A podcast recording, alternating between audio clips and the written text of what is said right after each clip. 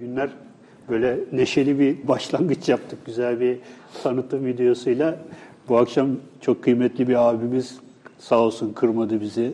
Vakitini ayırdı geldi. Ee, bir özel bir program yapıyoruz. Aslında normalde pazartesi günleri yapıyorduk ama e, bu serginin yakında bitecek olması dolayısıyla 22 Nisan'da sona eriyor. Gerçi daha bir buçuk ayı var. Evet. Yani epeyce de bir vakti var. Biz böyle bir arada bir program yapmak istedik. Ekrem abi de sağ olsun size abi diyeceğim kusura bakmayın. Ekrem Işın e, konuğumuz. E, Ekrem Işın e, serginin küratörü ve aynı zamanda İstanbul Araştırmaları Enstitüsü'nde e, bu sergileri organize eden değil mi hocam? Evet. Bilmiyorum yani siz herhalde biraz daha iyi açıklarsınız. Bizde bölümler var işte Osmanlı ve Cumhuriyet e, tarihi bölümlerinin yöneticisiyim. Evet, evet. Ee, Valla ben bu sergiye aşağı yukarı bir buçuk iki ay önce gittim.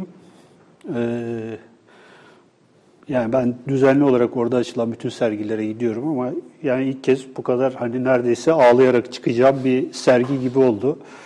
Ee, çok böyle değişik duygular e, yaşadım. Şöyle de bir anekdot anlatayım hocam. Ee, sergide Taylandlı bir kızla tanıştım. Türkiye'de okuyordu. Ee, o da merak etmiş, gelmiş yani. Ee, İstanbul Üniversitesi'nde okuyormuş. Yani böyle kırık dökük bir Türkçeyle muhabbet ettik. E, diyor ki yani bizde mesela hani sokaklarda hani köpeklere çok müsaade etmezler diyor yani öyle bir şey yoktur hani çok nadir görülür. Mesela İstanbul'da çok fazla hani Evet. bu çok biz, beni çok şaşırtıyor falan diye de böyle bir şey yaptı. Ee, isterseniz önce böyle bir sergi fikri nereden hasıl oldu? Bir oradan bir giriş yapalım. Daha sonra da yavaş yavaş sergiyi konuşalım. Evet. Şimdi e, ben de biraz tabii bu tür e, konuların yerleşip e, zihnimde olgunlaşması ve ondan sonra işte onun bir sergiye dönüşmesi bayağı bir zaman alıyor. E, bu sergi e, şöyle söyleyeyim size. Benim bir yazımdan kaynaklanıyor. Bu yazının yayınlanış tarihi 1987. Çağdaş Eleş, e, Şehir adlı bir şehircilik dergisinde yayınlanmıştır. E, bakıyorsunuz 30 yıl geçmiş. Evet.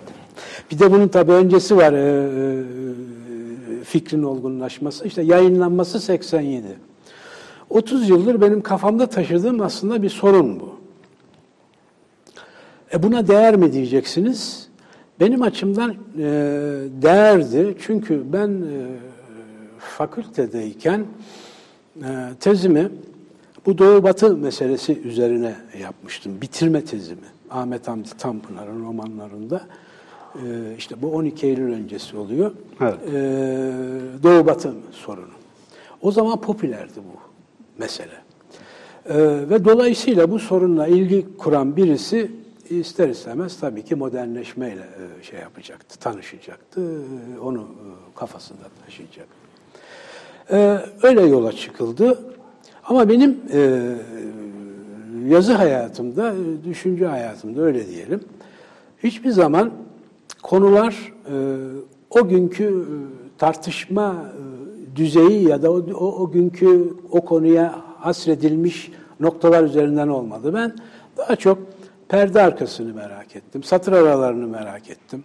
E, oralardan bir şeyler çıkartıp o çok popüler olan konuları işledim.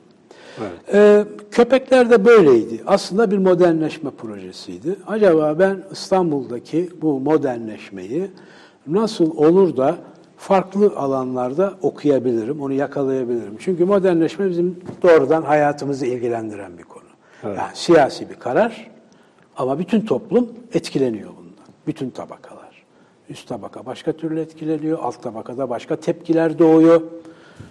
Ama neticede bir insan toplumundan bahsediyoruz. Sonra bu konuyu incelerken ben bundan yalnızca insanların değil, hayvanların artı bitkilerin, ağaçların yani doğal dokunun da etkilendiğini gördüm ben. Evet. Dolayısıyla bu alanlardan ben bir modernleşme okuması yapabilir miyim e, şeyi doğdu. Ve e, bu işte olgunlaştı. Önce bir yazıya dönüştü. Teorik bir yazıdır. Kendi konusunun ilk yazısıdır hatta diyebilirim bu bağlamda. Yani bir magazinel bir köpek yazısı değildir. E, kendine has tuhaf bir sosyolojisi olan bir yazıydı. Tabii o, o zamanki 30 yıl önceki aklımla kotarabildiğim e, bir yazı. Ama bu e, geldi işte bugün bu böyle bir serginin e, varoluşunun nedeni oldu. Hocam girişte işte şey serginin girişinde e, ufak bir şey var. E, karşılama metni var. Evet. Orada e, e, köp İstanbul'un köpeklerinin tarihini ikiye ayırıyorsunuz. Evet. Bir altın çağ var, bir de Tanzimat'tan sonraki dönem. Altın çağ nasıldı? Ne- Neden altın çağ diyorsunuz? O altın çağ diyorum, köpekli İstanbul diyorum, İstanbul. e, hayvanlı İstanbul Evet. diyorum. Bunlar evet. Şimdi mesela şöyle yola çıkalım. Marco Polo'nun e, seyahatnamesini okumuşsunuzdur ya da duymuşsunuzdur. Bir filmi de vardı hatta izlemişsinizdir. 13. yüzyıl e, ortası ile işte 14. yüzyıl başında yaşamış bir Venedikli tüccar. Marco Polo uzak doğuya gitmiş e, ilk defa. Yani ilk defa Batı'nın e, kendi dışındaki epi uzak bir coğrafyayla irtibat kurmuş e, bir şey. E, Ondan önce Doğu denilince Batılı'nın kafasında böyle garip hayvanla insan arası yaratıkların yaşadığı, ondan sonra bir coğrafya, halk katında daha çok e, canlanıyor. Yani sivri kulaklı, şeyli falan böyle bir insan düşünün. Yani öyle bir şey canlanıyor. Çünkü Orta Çağ anlatıları sürekli işte şeytanla işte işbirliği yapan, şey yapan böyle Doğu insanı böyle bir şey Batılı'nın o dönem kafasında. Yani yarı hayvan, yarı insan hatta hayvan yönü daha fazla. Ee, işte şeyin rastlarsınız bu tür anlatılara ayırt edemezsiniz. Yani bir e, hayvanı mı anlatıyor, bir insanı mı, bir canavarı mı? Yani böyle bir doğulu tip var. Hatta bizim meşhur e, siyah kalemimiz vardır. Bu Evet, Orta onu söyleyecektim ben de. Onun da sergisini yaptım ben. Yapı Evet. kredideydim o zaman. Yani çok ba- şey bir sergiydi, etkileyici olmuştu o zaman. Ee, yani oradaki tipleri gözünüzün önüne getirin. Yani nedir o demonlar? Evet. Yarı insan, yarı demon, yarı şeytan böyle. Ee, dolayısıyla e, böyle bir insan algısı var. Ee, Batı hep bunu işlemiş ama bunu adım adım fethetmiş bu e, figürleri, sembolleri. Ve onlar yavaş yavaş e, hayvan şeyinden sıyrılıp e, insana dönüşmüşler.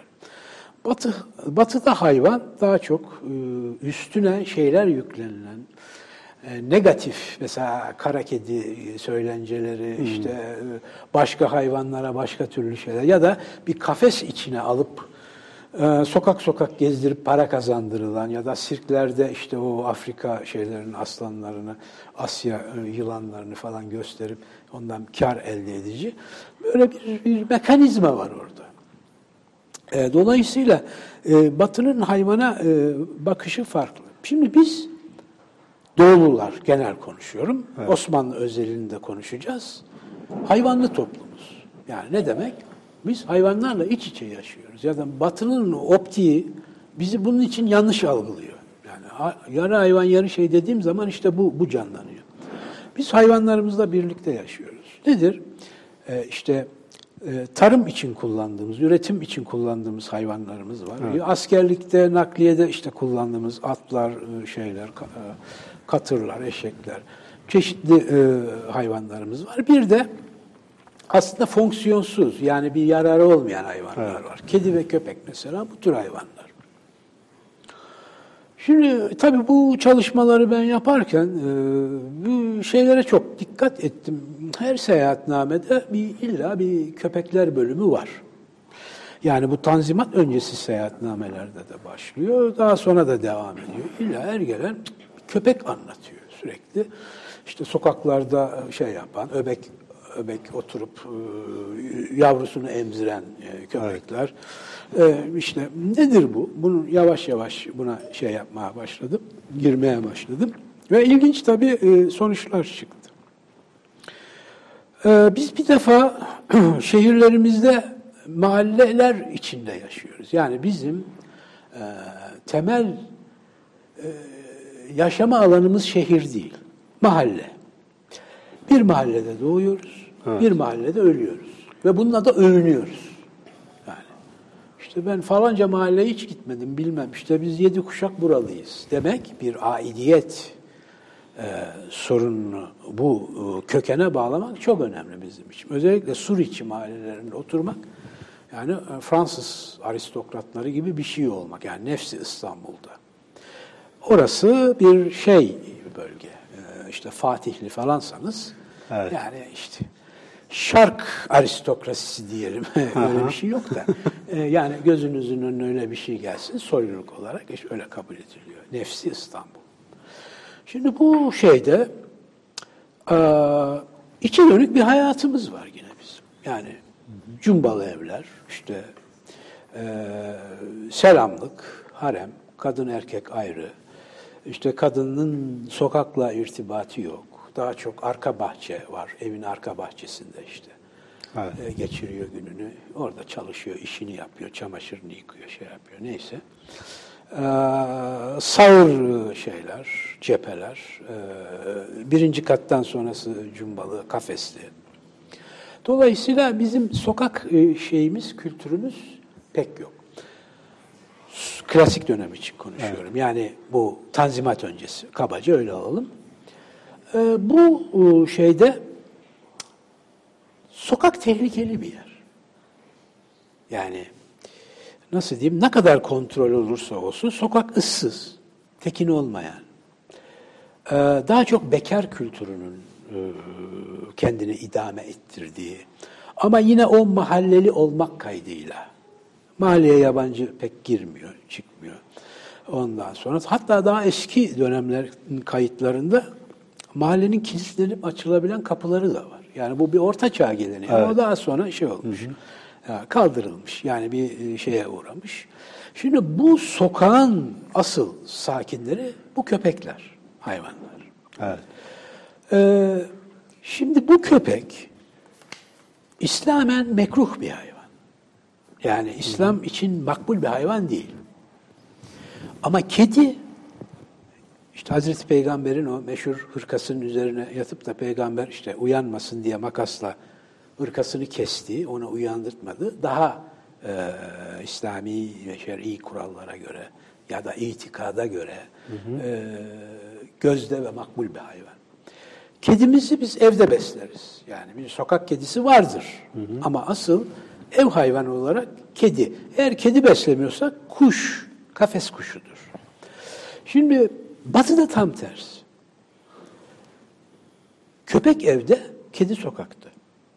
Ve kedi katliamı sürekli oluyor batıda. Yani şey yapmıyorlar. Köpek de oluyor. Ama onlar köpekleri evde cins e, köpekler alıyorlar ve o cinsin bozulmaması için işte o kendi arasında bir, bir onların e, üreme şeysi var.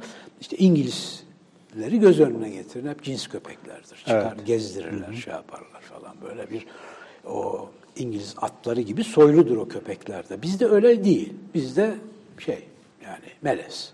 Sokakta yaşıyor çünkü. Evet. Sokakta çiftleşiyor. E, Dolayısıyla oradan melez bir ırk türüyor. Fakat asıl bizim e, şeyimiz, köpeklerimiz çok ince yapılı klasik dönemde. Onun sergide ben e, gravürünü de koydum. Eski bir gravürdür o. Daha çok tazıyı andıran böyle ince bacaklı, ince yüzlü, o ilk giriştedir o. E, bir köpek cinsi aslında. Bizim şu an e, İstanbul'da rastladığımız o iri yarı hani var ya e, köpeklerimiz Kırım Harbi esnasında e, yabancıların işte bu Kırım Savaşı'nda bir sürü e, buraya Avrupa'dan işte askerdi, şuydu buydu bir sürü e, insanlar getirdikleri köpeklerle çiftleşme neticesinde doğmuş garip bir ırk. Yani, yani böyle bir ırksal bir tekamül olmuş yani. O Olmuş Kırım, Kırım Savaşı, şey yani, Evet. Kırım Savaşı her şeyi etkilemiş Ee, yani. Evet çok tuhaf. ilginç. yani işin bu yönleri incelense sırf savaş yönü değil de yani sosyal tabii. hayatımızda nelere mal olduğunu bu savaşın çok ilginç şeyler çıkabilir. Ee, dolayısıyla bu şimdiki o iri yarı e, işte onun son temsilcilerinden biri Hacapulo'daydı. Şeydi. Neydi? Nazlı diyorlardı ona. Ha. İri bir- işte o o gözünüzün önüne onu getirin. Evet. O Kırım Harbi'nin bir eseri. Ee, Dolayısıyla e, biz e, köpekle birlikte yaşamışız. Köpekle birlikte yaşarken tabii eve almıyoruz. Sokakta bunlar şey yapıyorlar. Şimdi köpekte bir sahiplenme duygusu var.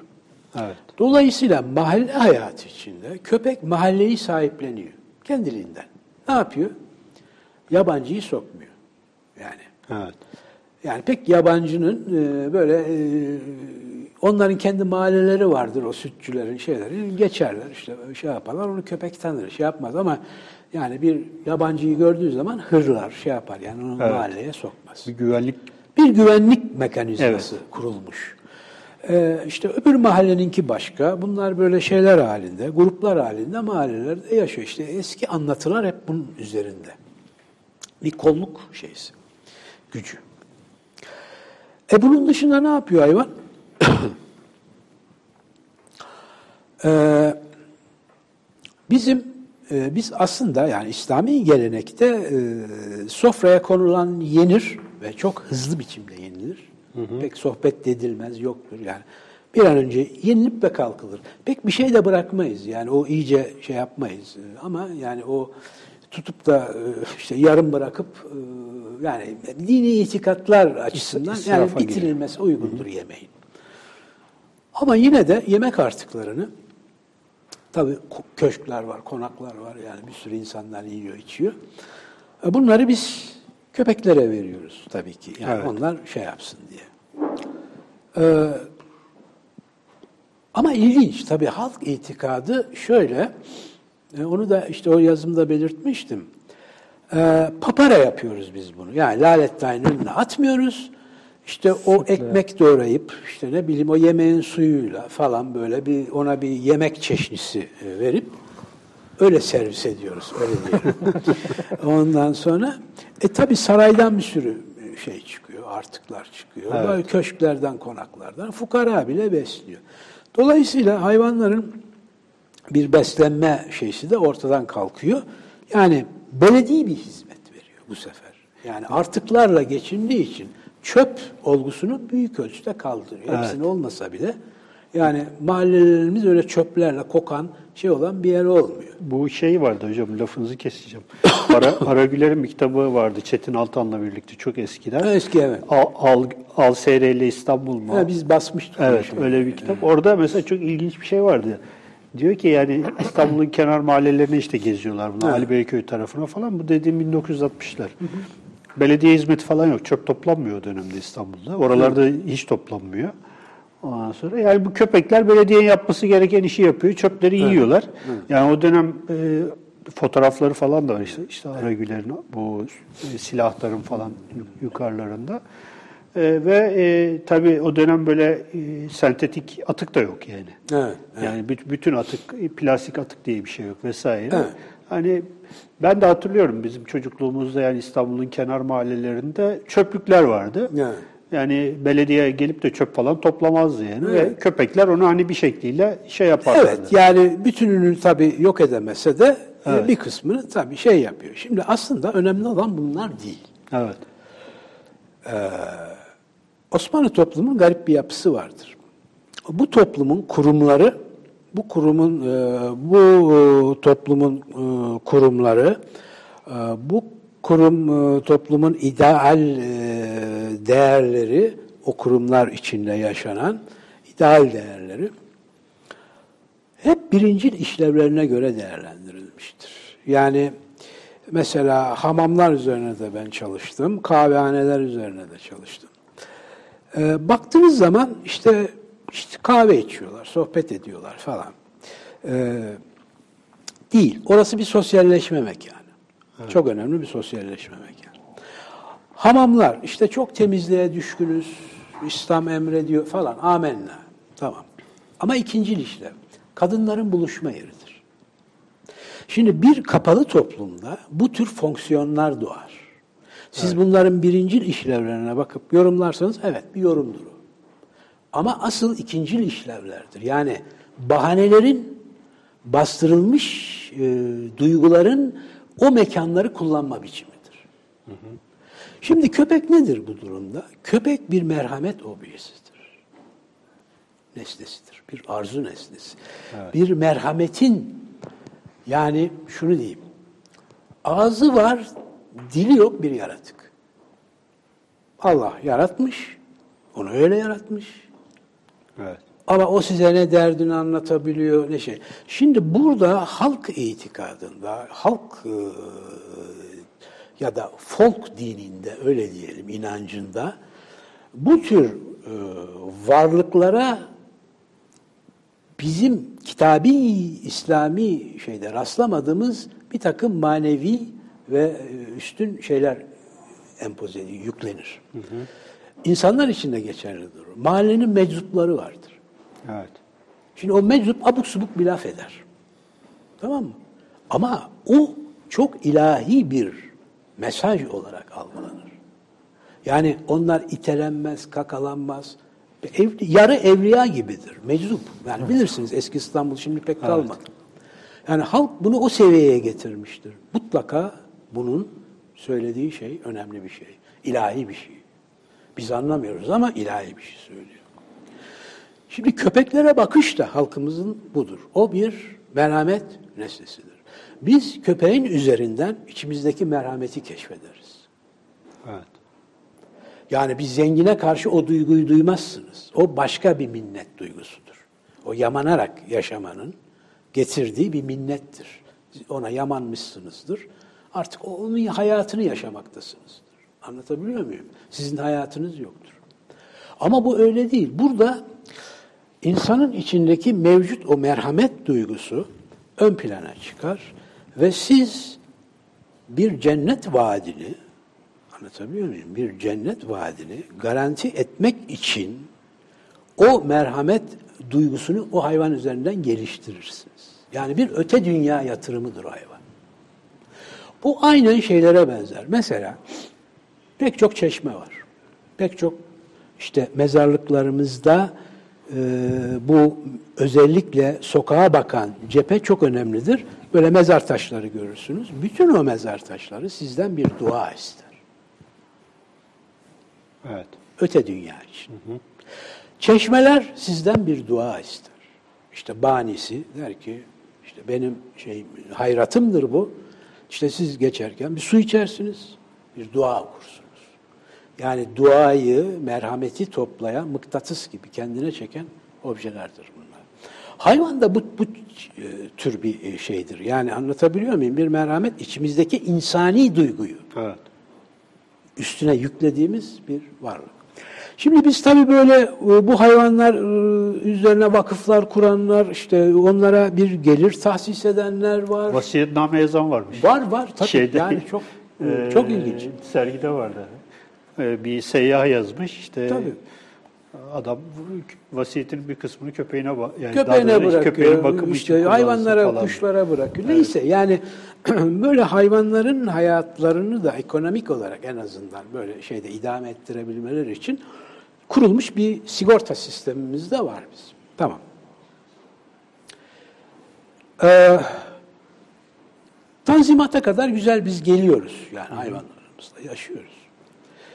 Ee, fakat hayat tabii arzu ettiğimiz gibi gitmiyor. Yani bakıyoruz ki hayatımızda bir eksiklik başlıyor. Yani bir şeyleri yapamıyoruz. Hep geriliyoruz. İşte ne yapalım? Şunu yapalım, bunu yapalım. Çeşitli fikirler olmuyor falan. Neyse sonunda bir tanzimat diye bir şey buluyoruz. Ve onu uygulamaya başlıyoruz. İstiyoruz ki şehirlerimiz de batılı şehirler gibi olsun. Şimdi oraya öğrenci gönderiyoruz işte başlamış elçiler gidiyor geliyor işte bize ya Paris şöyle Berlin böyle falan. Ya baktık hiç köpek yok sokaklarında Allah Allah falan. Yani bizde böyle sürü sepet. tamam mı? Şimdi oryantalist bakış da bu. Bizi bir şeye kıstırmaya çalışıyor. Siz diyor e, yani bizim gibi mi olmak istiyorsunuz? Evet. Yani üst tabaka diyor. Alt tabakanın umurunda değil. O eski usul yaşamaya devam ediyor köpeklerle falan iç içe. Evet diyoruz yani. Niye biz Paris olmayalım ki? Ne güzel geniş sokaklar var, caddeler var, binalar böyle şey falan. Gayet güzel var. Ha diyor o zaman diyor bakın diyor bu köpekleri kaldıracaksınız. Evet. Bizde var mı diyor hani gördünüz mü? Yok vallahi diyoruz yani sizde. Hiç görmedik. Biz hatta yadırgadık falan niye yok falan. İşte bunun için diyor yok biz yani modern toplumun size şehir hayatının şeyini koyuyor önünüze getirip kitabını. Tabii bu biraz karikatürleştiriyorum ama yani Bizim aldığımız mesaj o. Hayvansız bir kent. Ama biz hayvanlı kenttik. Mutluyduk. Anlatabiliyor muyum? Bir zararları yoktu. Steril bir şehir. Yok pek steril değil. Ee, Yok şey açısından söylüyorum. Ee, Avrupa kenti için söylüyorum. Ha, Steril, evet. arındırılmış. Temiz yani onların sokaklar. da tabii kendi bir sürü at yapı şeyleri falan tam oturmamış şey daha sanayileşmekte olan şehirler ama neticede bu e, köpek meselesini, hayvan meselesini halletmişler. Yani hatta ben Katrine'e de sordum o birlikte danışmanlığını yaptı. Ya dedim siz hala bu şey sisteme devam ediyor musunuz dedim bir köpek öldürmeye. Evet dedi. Nasıl oluyormuş dedim. Üç gün dedi. Hani bir köpek yavrusu diyelim bir yerde buldular. Ya da bir köpek. Çiftlikler varmış bunların. Ee, oraya veriyorlarmış. Üç gün içinde sahibi çıkmaz ya da biri gelip sahiplenmezse hayvanı öldürüyorlar. Bu. Allah Allah. Yani hala. Hala devam İt- İtlaf ediyorlar yani. 2017. Efendim? İtlaf ediyorlar yani, Tabii. devam ediyorlar. Üç, üç gün. Sürede İşte çok. İngiltere'de bir hafta falan. Yani böyle süreleri var bunların. Tabii yüzde doksanı itlaf ediliyor. Zaten hayvan yok o kadar. Yani üç beş tane belki çıkıyordur öyle şey oluyor. Kaçamak. İşte onları öyle öldürüyorlar. Şimdi ya dedik biz demek öyle falan. Şimdi tabii tartışmalar var. Bu ilk e, şeyi köpekleri hayatın içinden çekip e, şehrin dışına atma olayı ikinci Mahmut. E, bunu onun ünlü e, danışmanı e, sonra Maraşal olmuştur. Prusyalı General e, Moltke'nin anılarında anlatır. Hel, Helmut von Moltke. Helmut von Moltke'nin anılarında vardır. Evet. Topluyorlar, işte gönderiyorlar şeye hayırsız adaya. Yani sürgünler başlıyor. Şimdi tabii mavnalarla ne kadar götürdüler, ne yaptılar onun tabii şeyini bilemiyorum. Ee, orada hayvanlar açlıktan e, birbirlerini yemeye başlıyorlar. Su da yok tabii. O az- Su da yok. İşte da bir orada hayvan. hayvan ne yapsın? İşte bir parçası. göstermelik ekmek falan veren bir iki mavna yanaşıyor. Bir iki gün ekmek ekmek atıp kayboluyor. O bütün zaten sürgünlerde bu olmuştur. Evet. E sonra hayvanlar baş başa kalınca, acıkınca işte zayıf olan kimse önce onu yiyorlar. Ve canhıraş bir uluma, bağırma. Şimdi özellikle rüzgarlı havalarda o sesler İstanbul'a geliyor. Şimdi bu biraz işin halk şeyine giriyoruz. Rivayetlerine.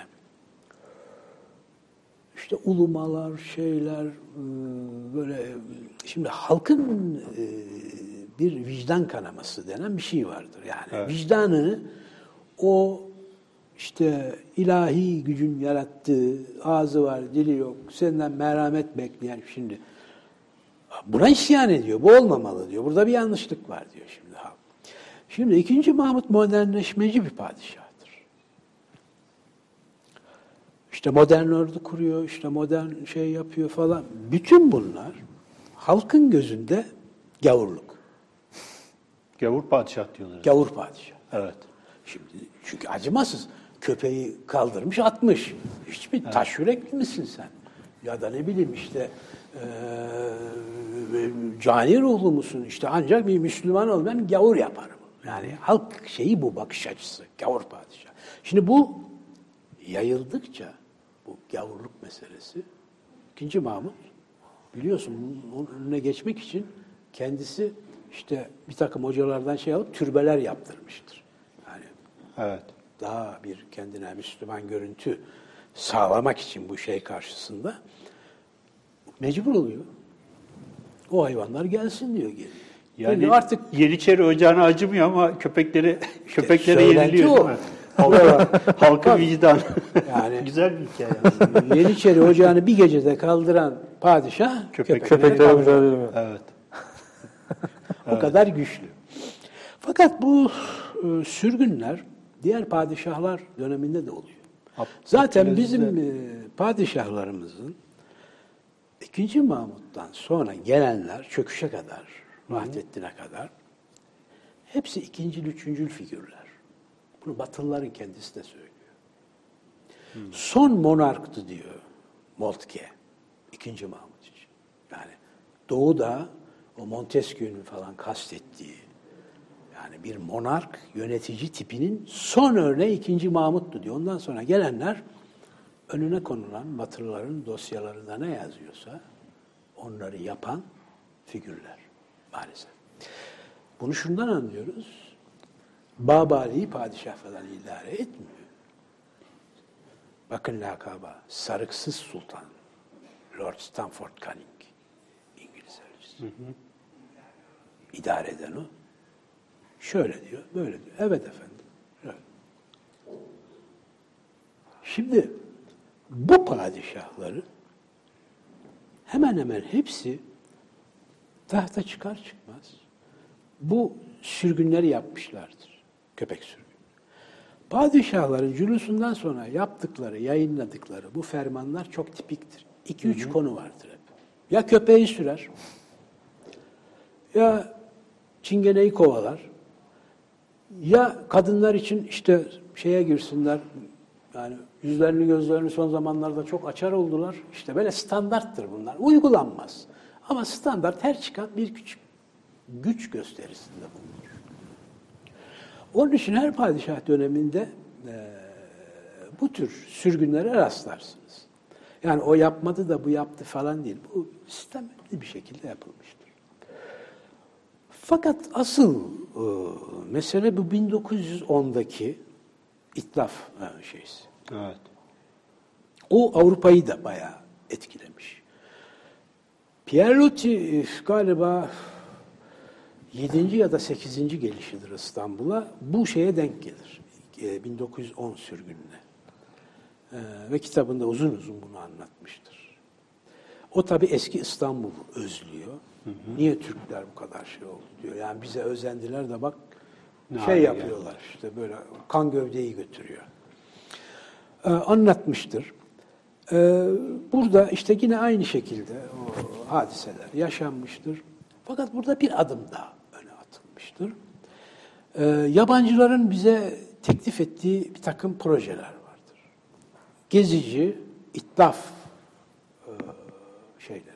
Evet. Fotoğrafları var sergide. Var. Yani Gazla, diyor ki elektrikle. şimdi Pasteur Enstitüsü'nün müdürü Remlinger bir rapor yazıyor. O zaman iddiatçılar işte 1910 o iktidar şeyindeler. Sanırım Cemil Topuzlu da Şehremini. İstanbul'da diyor 60 bin ila 80 bin arası köpek yaşıyor tahmini. Bir hesap yapmış adam. Diyor ki siz diyor çok diyor şeysiniz diyor bu büyük gelir kaynağı. Bunun diyor postundan işte bilmem ne yapılır diyor. İşte kemikleri diyor şey olur toz haline getirilir zamk yapılır. İşte iç organlarından işte bilmem ne yapılır, şu yapılır, bu yapılır. Yani geriye bir şey kalmaz. Bu 3 franktır, 3-4 franktır. Bunun diyor şeysi diyor işte 80 binden çarpıyor, 300 bin bir şey tutuyor frank neyse. Bu diyor şehir emaneti için diyor bir gelir kaynağı diyor. Siz alın diyor 300 bin e, frankı diyor. İşte bundan yol yapın diyor. Daha yani faydalı işler yapın diyor bu hayvanlara şey yapacağınıza. tamam? Bunları biz diyor güzel diyor bakın diyor şeyler var. İtlaf makineleri var böyle.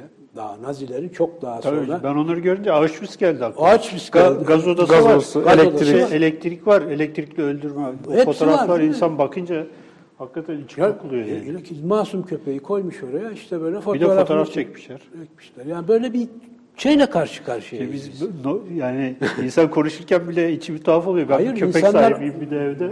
Yani şimdi söylemek doğru mu bilmiyorum da ağlayarak çıkıyorlar. Evet. Yani çok dokunuyor hakikaten. E, şimdi bunları öneriyorlar. Bunlar son derece doğal. Biz hala içimizde yani ne olursak olalım. Hani Abdülaziz demiş de bu modernleşme için işte efendim tren yolu yapacağız da yapam niye demiş de sarayın içinden şey yapması lazım, geçmesi lazım. Yani adamdaki aşka bakın. Geçsin demiş. Yeter ki sırtımdan geçsin. O yapın demiş. Yani böyle bir tutkuyla modernleşiyoruz biz. Ona rağmen biz o projeleri uygulamadık. Yani şey olmadı. Yani öyle gazla öldürme, elektrikle falan yok. Yani öyle bir şey. Teşekkür ederiz dedik ve o kapıyı kapatmışlar. Yani onda Ya oradaki fotoğraflar Fransız şeyleri, uygulanan sistemi. Yani bize onları şey yapıyorlar. Ee, dolayısıyla bizim e, Ama gene de hayırsız adaya bir gönderiliyorlar. Değil mi 1910'da? Tabii tabii gönderiliyorlar ve Orada bir- oraya bayağı bir kıyamet tabii, kopuyor. Fransa'dan karikatüristler geliyor, onların şeylerini çiziyor. İşte o büyük şeyler onlarındır. Evet. Sergide de var. Ee, Evet, e, sergide var. E, fotoğrafçılar geliyor, çekiyor. Bayağı yani onun o m, şeydeki e, Illustrated London News'da ya da o Fransızların o resimli e, magazin e, mecmualarında konu oluyor bütün bunlar. Yani bu da tabii şey, Türkler barbar. İşte, yani onda kullanılan bir malzeme. İşte bunlar ya sürerler ya keserler. Yani ona bir yol açıyoruz. Ee, Dolayısıyla e, köpeklerin bir gizli iç tarihleri var. Aslında o tarih insanların tarihi. Evet, bir modernleşme tarihi. Evet. Dolayısıyla ben modernleşmeyi böyle okudum. Ee, Bu bayağı da rağbet gördü. Epey de onun kaçak baskıları oldu yazın. Ee, Şimdi de işte sergisini yaptık ve dediğim gibi karikatürize ettim biraz. O minval üzere bir akışı vardır sergi. Evet. Hatta e, bu Balkan Savaşları'nda yaşanan felaketlerin bu köpeklerin e, Tabii tabii neden oldu işte ya bu ahı- itlafın bunların Tabii, tabii. ahının tuttuğuna dair böyle halk arasında e, şeyler var yani. Yani o itlaf olurken bunlar şeylere yüklenirken tutulup e, neydi onun adı mavnalara falan insanlar köpek kaçırıyorlar. Evlerinde saklıyorlar. Tabii Davut Paşa ve Rami kışlaları. Orada askerler, subaylar ka- kaçırıyor. Düşün onlar da modernleşmeci. Yani o dönemin subay kadrosu falan şey değil. Dolayısıyla yani o kışlaya köpek şey yapıyorlar sürekli şeyden kurtarıyorlar. Yani insan kurtarır gibi Evet, evet. şeyden köpekleri kurtarıyorlar. Şöyle bir şey okumuştum hocam. Bu belki sergiyle çok ilgili değil ama Evliya Çelebi'nin bu debbalar e, şeyiyle ilgili, esnafıyla ilgili. Bu tabakhane esnafı biliyorsunuz. Bu tabaklama işi e, köpek pisliğiyle hani affedersiniz yapılan bir şey. Yapılan bir şey, evet. Organik kimya var. Şimdi Evliya Çelebi diyor ki, yani biraz konunun dışında belki ama eğer diyor bu katil tayfası diyor sur dışına kaçar da bu debbaların eline düşerse diyor Kazlı Çeşme tarafında tabii pis bir iş olduğu için orada Evet. yapılıyor. Genellikle de işte bizim bu Kıpti dediğimiz Roman Ha, e, evet. vatandaşlar. Diyor ki onlar diyor polise teslim etmezler diyor. Onu tutarlar orada e, bu tabaklama işini öğretirler ve onu orada cezalandırırlar. yani böyle bir bela bir Evet. e, şey meslek grubuyum. Evet, evet. Hatta onunla ilgili bir e, şey de var yani böyle bir atasözü de var. Debba mısın itin işte e, şeyine pisliğine muhta- muhtaçsın diye. Evet. Yani hayvanın e, bir, yandan da böyle fonksiyonel bir yanı Evet. da var yani. Hani Evet. Böyle bir var şey tabii yani başta da işte söylediğimiz gibi ondan belli bir fayda sağlıyor insanlarımız. Hem mahalle hayatı içinde hem işte dediğiniz gibi oranın yarı sanayisi diyebileceğimiz e, bölgelerde bu tür şeylerden yararlanıyor. Ama çok acı bir tarih. E, belki günümüzde artık bu hassasiyetler yavaş yavaş toplumda yerleşiyor. Yani köpeğe karşı işte o kuyu Evet, o olay e ne bileyim onu kurtarma. Yani eskiden de düşüyorlardı ama hiç bu kadar gürültü olmuyordu. Yani kuyuya düşen köpek çok olmuştur. Eceliyle işte neyse şeyinin ölmüş gitmiştir. Kimse şey yapmamıştır pek. Ama şimdi yavaş yavaş toplum hassaslaşıyor. Yavaş yavaş iyi kötüden ayırabilir. Yani belli bir kesim en azından oluşmaya başladı. E, Dolayısıyla bu tür şeylerin ben, bu tür okumaların e, yani bunun bir yalnızca modernleşmenin bir işte siyasi işte falanca paşa böyle dedi o padişah şunu dedinin dışında. Çünkü alınan siyasi karar hayatı etkiliyor. Hayatın içinde ne var? Biz varız. Hayvanlar var, bitkiler var. evet. Yani şimdi bitkilerin de sergisini yapacağım. Hayvanlarından işte kuşlarla devam edeceğim. Hepsi üzerinde bu kararların şeyi var. Ve bunlar bizim hayatımızdan çekilip çıkıyor. Biz yalnızlaşıyoruz. Ee, bir izleyici yazmış. Yani ben insan olduğumu bu sergi bana öğretti diyor. Ben hiç öyle kedi köpek, yani kızım zorla soktu beni diyor içeriye. Gözyaşlarıyla diyor çıktık diyor. O şey, şeyleri gördükten sonra. Ve ilk defa diyor insan olduğumu hissettim. Bu çok önemli bir şey. Yani uğraştığımız tarihçi olarak da konuların e, bu tür kapılar açması, bir laf tokuşturmanın dışında hayatı daha yakından, daha yakın mercekle okuma. Yani bu kararlar alındı ama bedeli ne oldu? Ne ödedik? Evet. Ve ne ödemeyelim bundan sonra? İyi düşündürsün bize. Yani bu tür şeyler benim kafamda işte hep dönüp. Hocam Evet. e, aslında gelirken de konuşmuştuk da. Evet. Burada biraz daha açmak istiyorum. E, muhteşem muhteşemler çağındayız. Yani şu, bugün de işte muhteşem işte dizinin ismi de 100 yıl işte muhteşemler sergisi böyle bir e, geçmişi bir kutsama hali var. Fakat bu sergi e, yani ben mesela ge- gezdikten sonra yazdığım not şey oldu deftere arka sokaklar. Yani arka sokak arka sokakların tarihi. Evet. Yani bu e, bu dönemde bu te- e, bu tezatlık yani bunun üzerinden biraz daha e, devam edebilir miyiz, konuşabilir miyiz? Bu arka sokakların tarihi ama diğer tarafta da e, bir geçmişi kutsama var. Evet. Tabii bizim tarihçiliğimizin en trajik ve aşamadığı e, noktalardan birisi budur. Sizin şey yaptığınız, belirttiğiniz. Bizde bir övgü vardır. Sürekli bir şeyleri överiz biz. İyi olsun, kötü olsun. Yani o şeyinde değilim. Bir övme, bir hayranlık, bir boyun eğme, bir kul köle olma. Şimdi bunlar bizden çok şey alıp götürdü aslında. Yanlış şeyler düşündük, yanlış kararlar da verdik ve yanlış yaşadık. Bir sergiye gittiğiniz zaman bizim geçmişimizle ilgili, tabii her millet e, geçmişiyle ölmek ister. Bu en doğal hakkıdır. Gurur duyarsınız. Fatih Sultan Mehmet'in kılıcı. Sergilersiniz. Gelen bakar, gurur duyar. İşte padişahımın bir şeysi der. Amenna. Onun yanına ben bir Japon katanası koysam ne olur acaba? O da kılıç. Hem de öyle bir kılıç ki. Bir sanat eseri. Gördünüz mü yakından baktınız mı hiç? Japonya'da denk geldi. Ben görmedim. Yani şimdi biz yarıştırıyoruz. Biz yarıştırmayalım. Biz neyse oyuz. Orada da katana var. Bir sanat eseri. Ne yapıyor? Kelle uçuruyor. Bir sanat eseriyle kelle uçuruyorsunuz. Trajediye bakın. Bu her toplumda vardır. Bizde de var, Japonlarda da var. Kimseyle muhteşemlik yarışına girmeyelim. Her toplumun kendi gerçekleri, kendi tatmin yelpazesi içinde mükemmel eserleri vardır elbette. Bizim camilerimiz, orada kiliseler. İşte Sinan şöyleydi, onu açtı, geçti falan. Bu edebiyatı bir tarafa bırakmamız lazım. Şimdi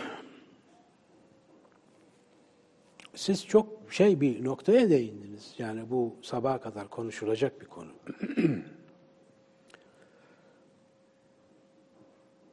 Bizim toplumumuzda ben baktığım zaman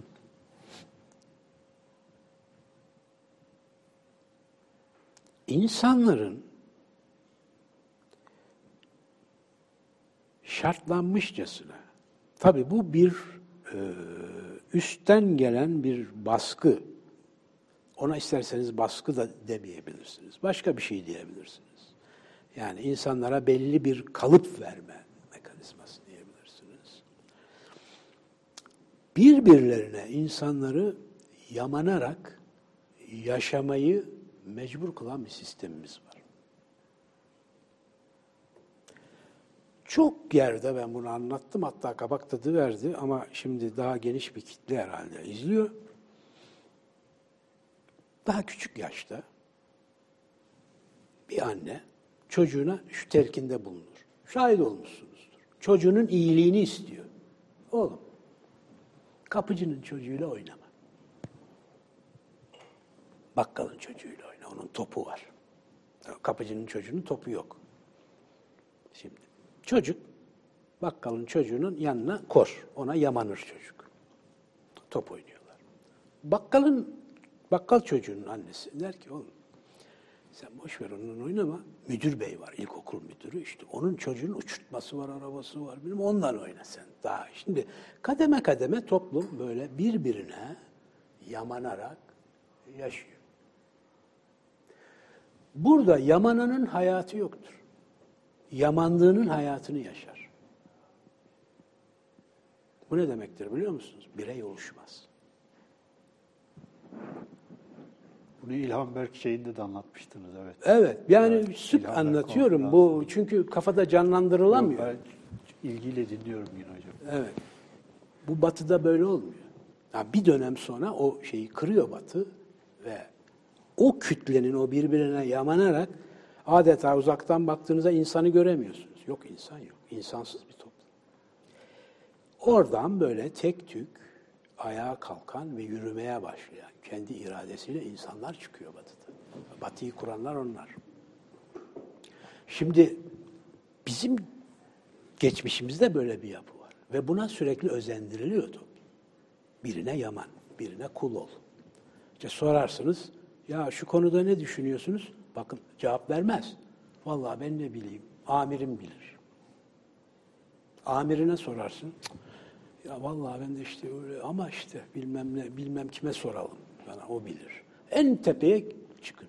En tepedeki adam şunu der, vallahi ben bilmem Allah bilir.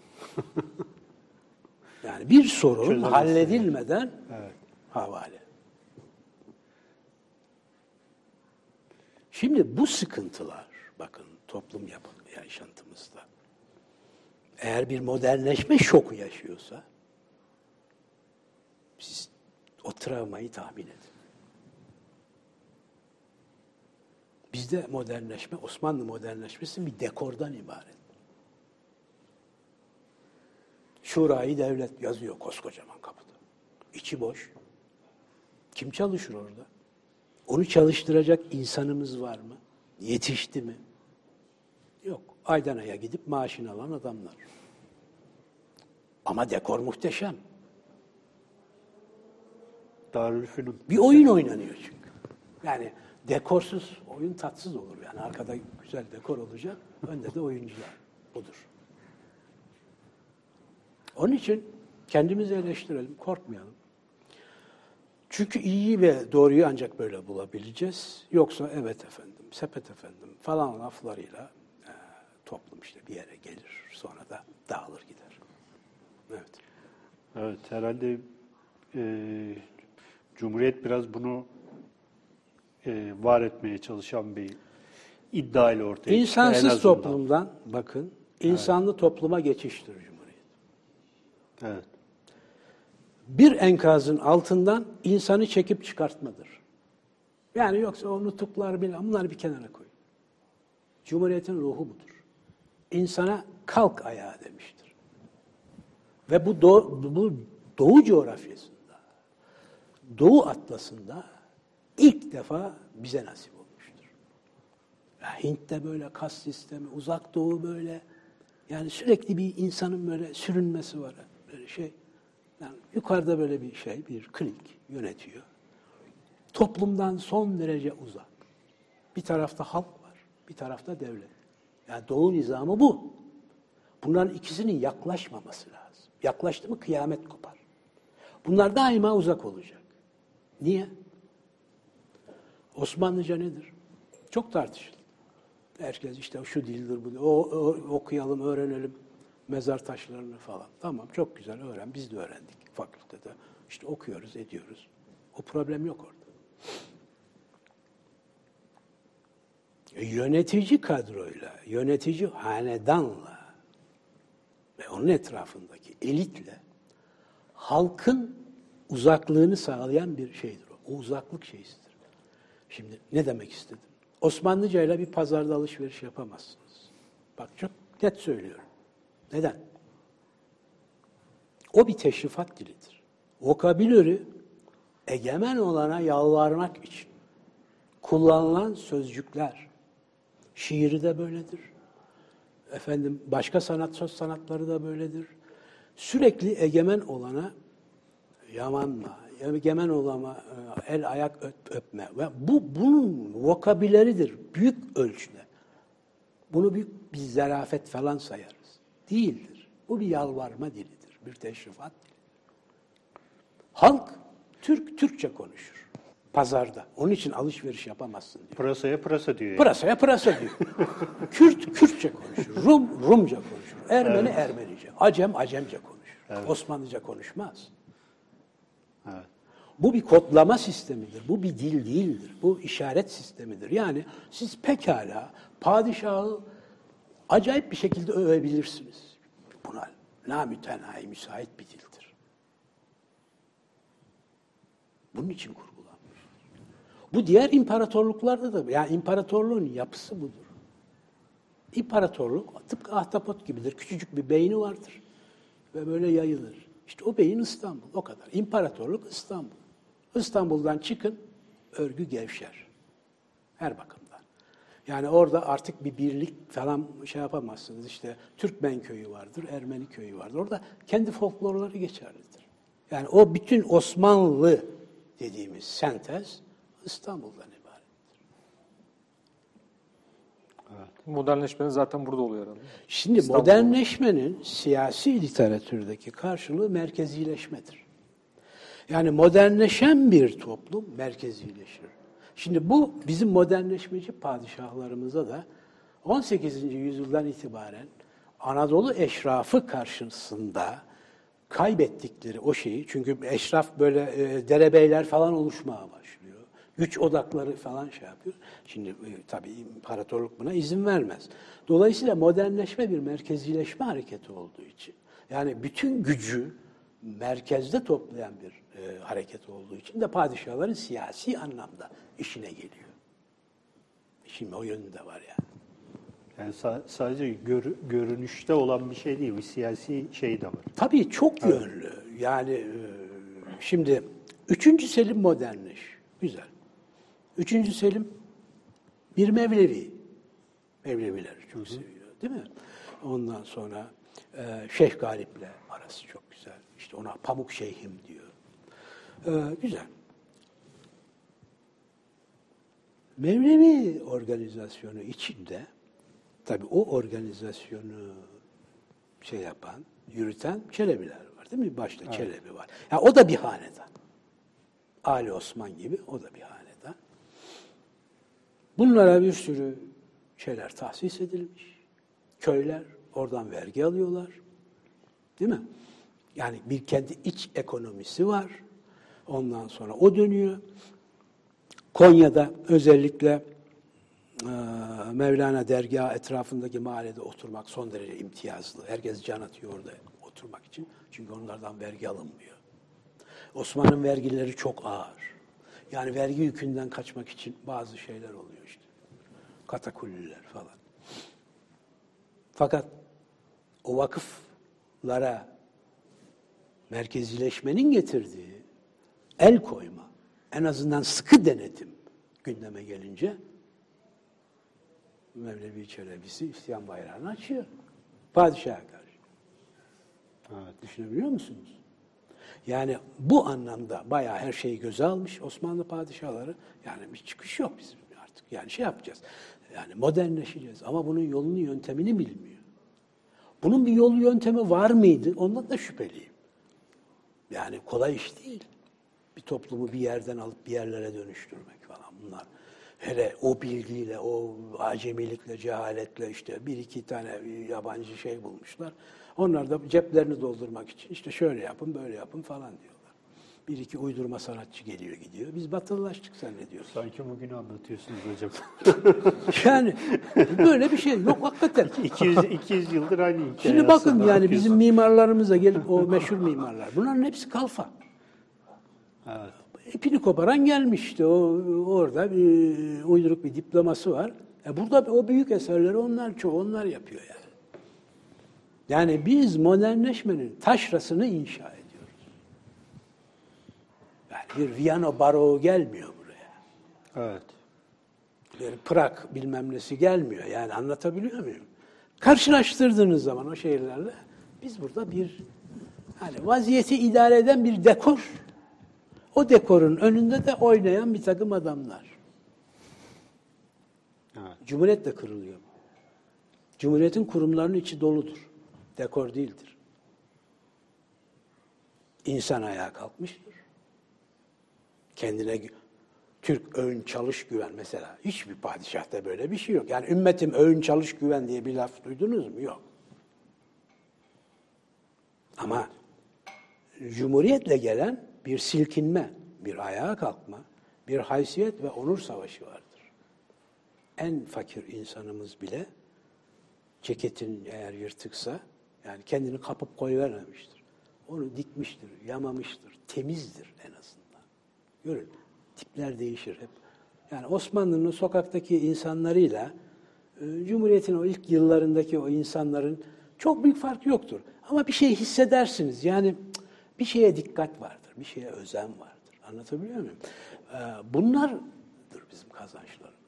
Yoksa işte e, demir yolu yaptık, yok işte şey yaptık. Evet güzel şeyler yapılacak elbette.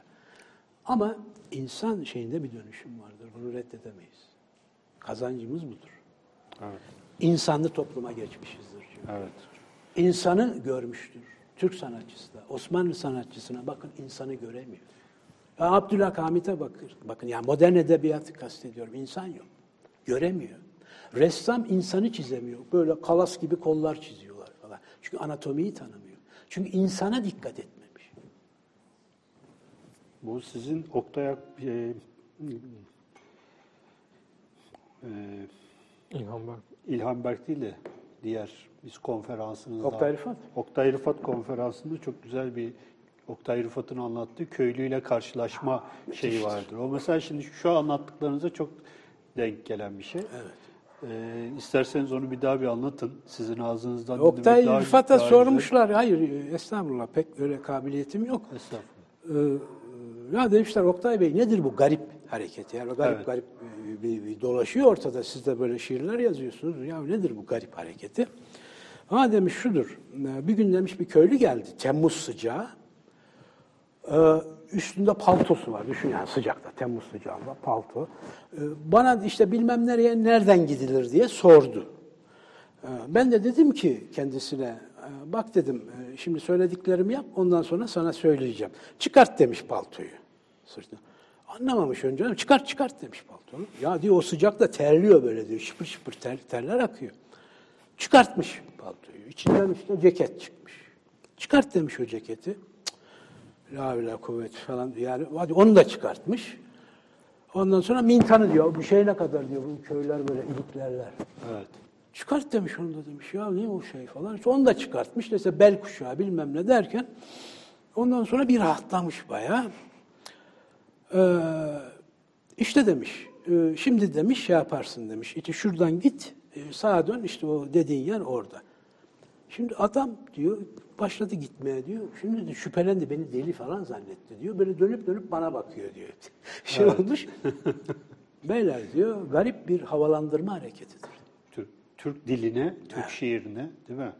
Aslında yani bu az önce bahsettiğiniz Osmanlıca meselesiyle de çok Evet. alakalı bir şey bu. Çünkü 600 yıl aynı imgeler üzerinde aynı dilin şey çok az ufak ufak ufak tedrici değişmelerle artık tabaur etmiş Evet. bir kültür atmosferi içinde garip hareketi bir havalandırma hareketidir diyor. Açın pencereleri diyor. Evet. Bu da güzel bir eee, şey oldu. Hocam yavaş yavaş toparlayalım isterseniz.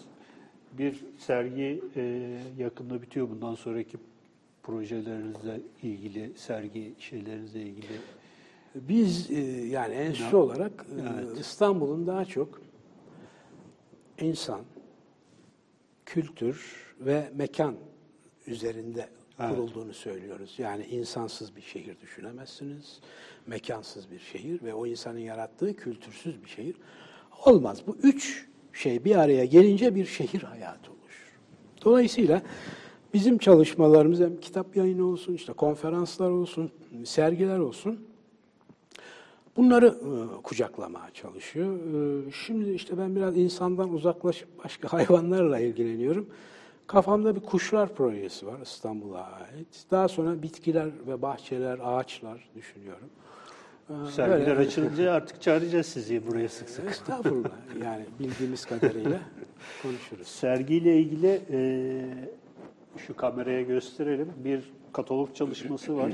Hocamız sağ olsun e, bize getirdi e, bu katalog çalışmasını. İstanbul'un dört ayaklı belediye, İstanbul'un sokak köpekleri e, kataloğu var. İkincisi ben sık sık dönüp e, şey yapıyorum, okuyorum. Ekrem Hoca'nın İstanbul'un İstanbul'da gündelik hayat kitabı. Bu kitap Yapı Kredi yayınlarında bu beşinci baskısı bendeki.